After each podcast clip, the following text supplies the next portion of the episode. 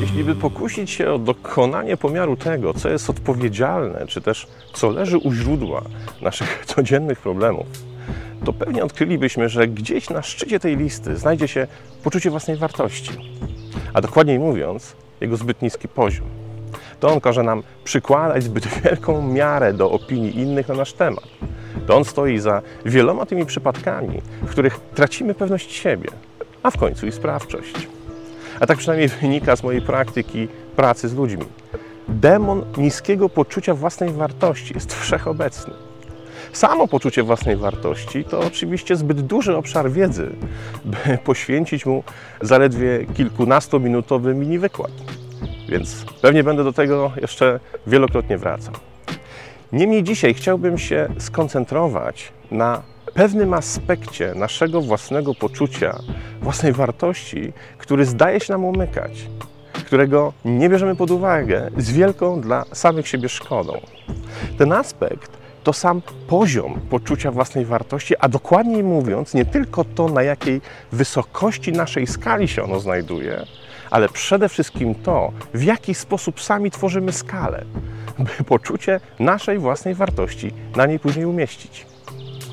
Przyjrzyjmy się temu mechanizmowi na pewnym przykładzie. Otóż gdybyśmy zebrali teraz przed sobą setkę rodziców i zadali im pytanie, czy uważają, że ich dzieci są w czymś, w jakimś aspekcie życia wyjątkowe, to zdecydowana większość z nich, o ile nie wszyscy, odparliby, że oczywiście tak. Rodzic patrzy na swoje dziecko zawsze z identyfikacyjnej perspektywy. Jest ono przecież dla niego wyjątkowe. Więc w jego mniemaniu tę wyjątkowość powinien również docenić cały świat. Zatem każdy rodzic, opisując swoje dziecko, będzie używał pewnego stylu narracyjnego, który jest adekwatny do opisywania jednostek górujących w czymś nad innymi. Jedni powiedzą, że ich dziecko jest wybitnie uzdolnione w czymś konkretnym, a jeszcze inni, że jeszcze w czymś innym. Zawsze znajdzie się jakaś przestrzeń człowieczej aktywności, w której ich dziecko będzie górowało nad innymi. Problem jednak w tym, że statystyki pokazują coś zupełnie innego. Nie wszyscy są ponadprzeciętnie uzdolnieni. Weźmy na przykład kierowanie samochodem. Lubimy myśleć, że jesteśmy dobrymi kierowcami, a już na pewno lepszymi od tych gamoni, co ich pokazują na YouTube'owych filmikach, kiedy stwarzają zagrożenie na drodze, nie potrafią sprawnie zaparkować, czy też w ogóle mają problemy z opanowaniem kierownicy, sprzęgła i gazu. Kiedy oglądamy takie filmy, to oczywiście pukamy się w czoło, bo przecież my jeździmy lepiej. Jednak w społeczeństwie kierowców nie wszyscy mogą jeździć lepiej. Niektórzy jeżdżą gorzej od innych, a spora część jeździ po prostu przyzwoicie, przeciętnie, niespecjalnie odstając od reszty. W każdym zbiorze ludzi i przy okazji każdej umiejętności część znajduje się powyżej przeciętnej, część poniżej, a część mniej więcej pośrodku skali. Statystyki pod tym względem nie kłamią.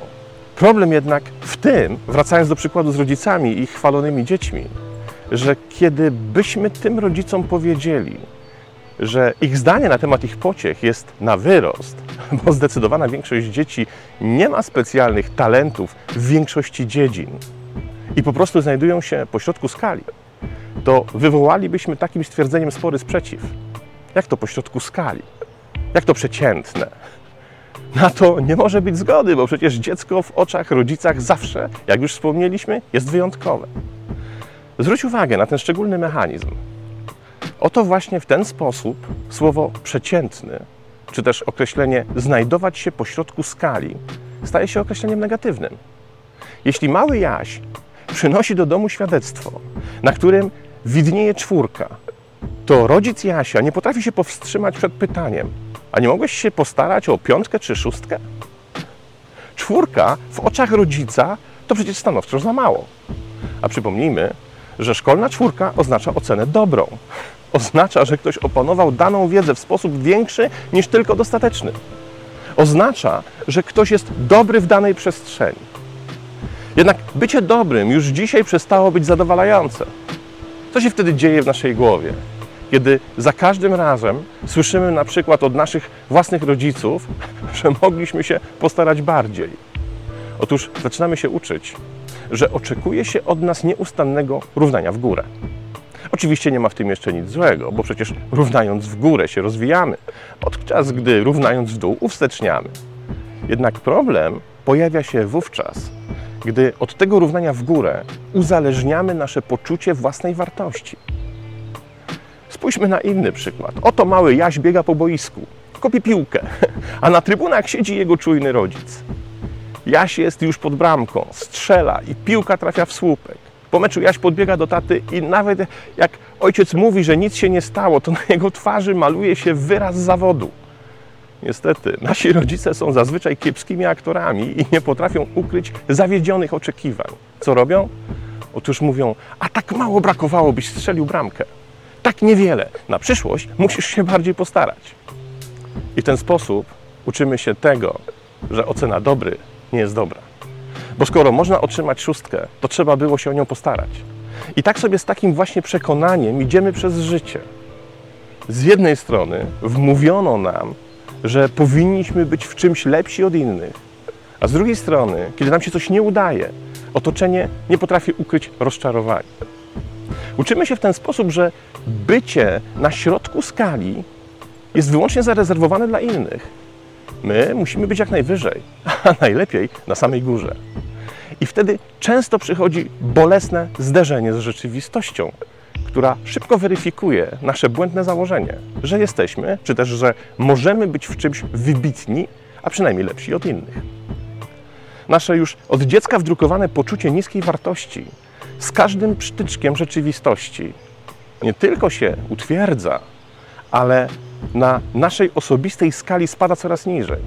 Im niżej jest, tym czyniąca nam niespodzianki rzeczywistość jeszcze bardziej je obniża i utwierdza nas w przekonaniu, że po raz kolejny nie trafiliśmy do bramki. Zawiedliśmy czyjeś oczekiwania, czego ten ktoś nawet nie będzie potrafił ukryć. W tym miejscu pewnie ktoś powie, że najlepiej mieć wysokie poczucie własnej wartości, bo wtedy powyższy mechanizm nas nie dotyczy. To niestety również nieprawda. Ale żeby to zobrazować, sięgnę do kolejnego przykładu. Wyobraź sobie, że postanawiasz wyjść na spacer i nie wiesz, jak się ubrać, ponieważ aura płata figle i temperatura nieustannie się zmienia. Nie wiesz, czy jak ubierzesz się zbyt lekko, nie zmarzniesz i kiedy ubierzesz się zbyt grubo, nie zapocisz. Twój organizm przecież ma swój wewnętrzny termometr i żywiołowo reaguje na zbyt wysokie i zbyt niskie dla ciebie temperatury. Przyjrzyjmy się zatem skali temperatury, najlepiej do tego wyobrażając sobie zwykły termometr. Kiedy słupek rtęci znajduje się wysoko, to wskazuje, że zewnętrzna temperatura również jest wysoka, a zatem pewnie będzie ci za gorąco. Kiedy teraz zaczniemy się z tej wysokości posuwać w dół, zaczynamy odczuwać, że oto gorąco zmieniło się w ciepło.